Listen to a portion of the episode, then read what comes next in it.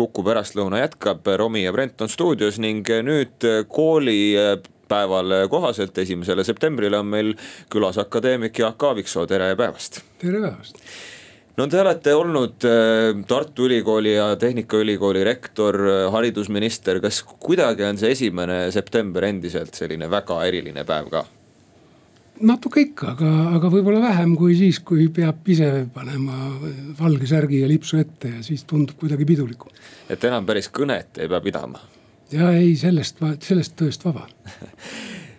kui me kutsusime teid siia, siis see esialgne mõte oli just rääkida ülikoolidest, teil on sellega väga tugev kokkupuude olemas ja selle võtme alt, et üpris palju on erialasid sarnaseid äh, mitmes ülikoolis, no näiteks äh, õigust õpitakse nii Tallinnas kui Tartus ja mõnda eriala veel dubleeritakse. mis te arvate sellest? No nii ja naa, et ütleme, et päris mustvalgeks ei saa värvida isegi nii väikses riigis nagu Eesti, et kõiki asju ainult ühes kohas, et see ilmselt ei oleks mõistlik, aga aga no teistpidi me saame aru, et ehitada üles nii nagu Tehnikaülikool siin mõni aeg tagasi tahtis ka arstiteaduskond Tallinnasse või. või nagu vahepeal Tartu Ülikool tahtis, et tuleks hakata insenere Tartus õpetama, et noh, ilmselt see ei ole mõistlik. Ja kus see tasakaalupunkt on, ongi võib-olla keeruline öelda ja tänapäeval on see veelgi keerulisemaks läinud sellega seoses, et et nüüd on meil ülikoolid, siis on meil rakenduskõrgkoolid, siis on meil kutseõppeasutused ja. ja need piirid hägustuvad tänases maailmas nii palju, et, et paljusid erialasid õpitakse nii ülikoolis, rakenduskõrgkoolis kui kutsekoolis ja ja nii, et selle tööjaotusele tuleks, tuleks väikeses riigis üsna tõsiselt otsa vaadata küll, et et tõenäoliselt annaks siin neid rahaprobleeme lahendada noh paremini kui siit ja sealt koomale tõmmata millisel tasandil tegelikult neid äh, erialade otsuseid tehakse, näiteks te tõite näite, et äh, Tallinnasse taheti teha arstiteaduskonda, et kas äh, kuidagi riiklikul tasandil või on iga ülikool enda huvide eest väljas? no me siin suure vabadustuhinaga tegime ju hästi liberaalse kõrgharidussüsteemi või haridussüsteemi tervikuna, meil oli vahepeal ju nelikümmend üheksa kõrgkooli, mis, mis niimoodi kippus, kippus maailmarekordi lähedale, et. et tänaseks on neid natuke rohkem kui poole vähem, aga ikkagi kakskümmend ülikooli, et kui te nüüd küsite sakslaste käest, mis nad sellest arvavad, siis nad ütlevad, et see on rikas riik. et, et me olime hästi liberaalsed ja siis tõepoolest kõik ülikoolid tegid, mis nad tahtsid ja noh, kui eriti kui õigusteadust õpetati meil kolmeteistkümnes ülikoolis, et üheksakümne üheksandal aastal, et kui te vaatate, et noh, tänaseks on neid jäänud vist kolm või, või neli, ma päris täpselt ei tea, kas. kuidas EBS-is on, nii et, nii et eks see, eks see arusaamine ole muutunud ja, ja praegu siin noh, natuke ka minu, minu väike panus seal, et. et äh, me tulime tagasi selle juurde, mitte et kvaliteeti ei otsusta ainult turg, vaid see niinimetatud siis äh, akrediteerimine, et siis ikkagi toimub iga seitsme aasta tagant hindamine ja, ja hinnatakse ja kui siis kvaliteet ei vasta, et siis ei saa jätkata kas ma sain õigesti aru, et siis tegelikult ikkagi ka tänasel päeval või, või, või praegusel ajal on ülikoolid ikkagi suhteliselt suveräänsed oma otsustes? suhteliselt suveräänsed ja natuke riik suunab, et, et kui on ära jaotud vastutusvaldkonnad ja kui sa ei õpeta oma vastutusvaldkonnas, sa võid seda teha, aga raha saad vähem kui siis, kui sa õpetad nagu seda, mida ühiskond just nagu ootab su käest rohkem ja Tehnikaülikool tahtis ähm, meditsiiniteaduskonda, mis põhjusel, et see lihtsalt, et see on lihtsalt nii äge või no see pikem jutt, et eks, eks ülikool ise noh, väga-väga paljudes tehnikaülikoolides on meditsiiniteaduskond ja väga head, väga hea õpe, aga. aga, aga Tallinnas võib-olla olid ka paljud, paljud praktiseerivad doktorid olid huvitatud õpetamisest ja no ka lisasissetulekust, nii et huvisid oli siin väga erinevaid aga tänaseks muidugi see niisugune väike rivaliteet Tartu-Tallinna vahel, et ühed, ühed tahavad insenere ja teised arste õpetada, et see on niisugune natuke ka. natukene ka niimoodi noh, ütleme mängulise elemendiga, et väga tõsiselt seda vast ei maksa võtta. aga kas siin ei oleks lahendus seesama tasuline kõrgharidus, millest on siin väga palju räägitud? No ega see tasuline kõrgharidus, seal on ka erinevaid mudeleid, aga, aga et kuidas, kuidas see tasuline kõrgharidus seda nüüd ära, ära kohe likvideerib, et ega ta nii lihtsalt ka ei käi, et võib-olla. turujõud on natuke tugevamad, aga kas ta just kvaliteedi kaudu siis realiseerub et ega üliõpilane noh, me küll arvame, et ta tahab osta võimalikult kvaliteetset kaupa, aga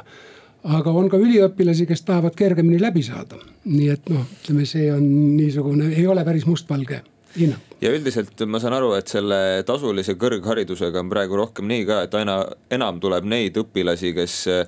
õpivad, teevad tööd samal ajal ja sellest töö tegemisest vist enam ei oleks väga kasu, kui tahta niisama ka elada. no no eks ta natuke nii on, ma arvan, et, et lähema kümnendi jooksul kõrghariduses toimuvad väga suured muutused selles mõttes, et väga et meil siin ju võideldi selle vastu, et kui me tegime kolm pluss kaks, eks ole, et, et noh, nii nagu, nagu ütleme anglosaksi riikides, et kolm aastat saad esimese diplomi kätte ja siis lähed õpid ja võib-olla õpid teises ülikoolis teist eriala. sellele seisti väga tugevalt vastu, aga no maailma areng näitab, et me tegelikult läheme veelgi lühemate programmide juurde, et niinimetatud mikro või nanokraadid, et õpid, õpid semestri, teed tööd, siis võtad kaks kuud vabaks ja teed, teed kuskil mingi eriala juurde ja ja noored saavad juba nooremana tööle asuda, juba suudavad panustada majandusse ja elu muutub nii kiiresti, et viis aastat õpid, siis esimese aasta teadmised on turul juba kõlbmatud, et selles mõttes, no ma, see ei ole nüüd naljaga pooleks, aga noh, natukene nii on, IT-s vähemasti on küll palju asju mm. -hmm. kui võtta näiteks äh, Balti riigid ja Skandinaavia ja praegune aasta kaks tuhat kakskümmend üks, milline maine on Eesti ülikoolidel siin ümbruskonnas? Ma, ma arvan, et, et Eestil on siiski ütleme võrreldes saatusekaaslastega päris hästi läinud. kes on saatusekaalased? no ma mõtlen, mõtlen siin Kesk- ja Ida-Euroopat, kes siis ütleme sellest Nõukogude mudelist vabanes ja, ja, ja siis püüab siis nii-öelda tulla muu maailmaga ühte sammu pidama, et, et kuna meie sidemed on väga tugevad Põhjamaadega, et siis ma arvan, et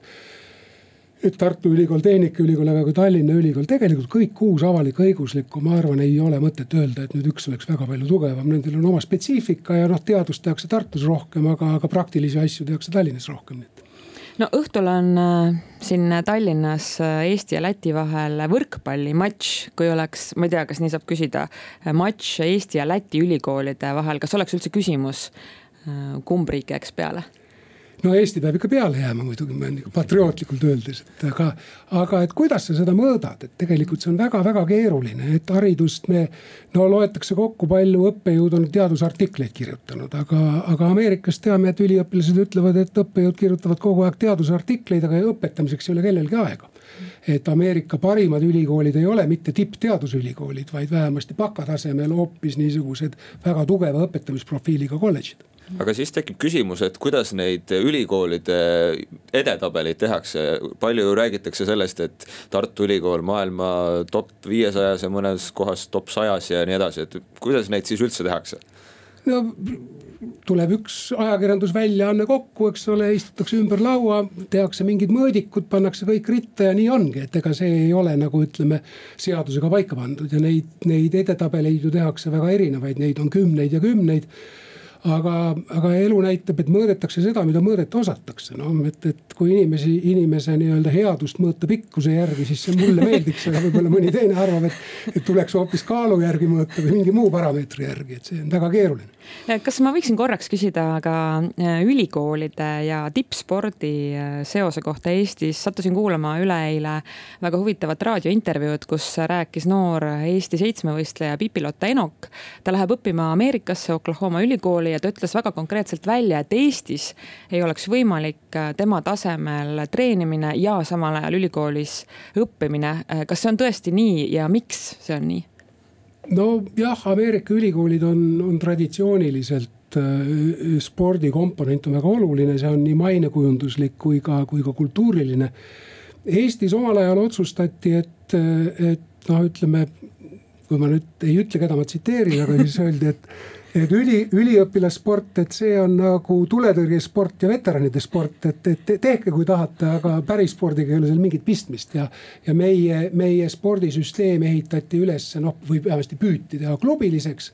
ja, ja ülikooli spordiklubi, noh, ütleme Tartu Ülikooli spordiklubi on tänu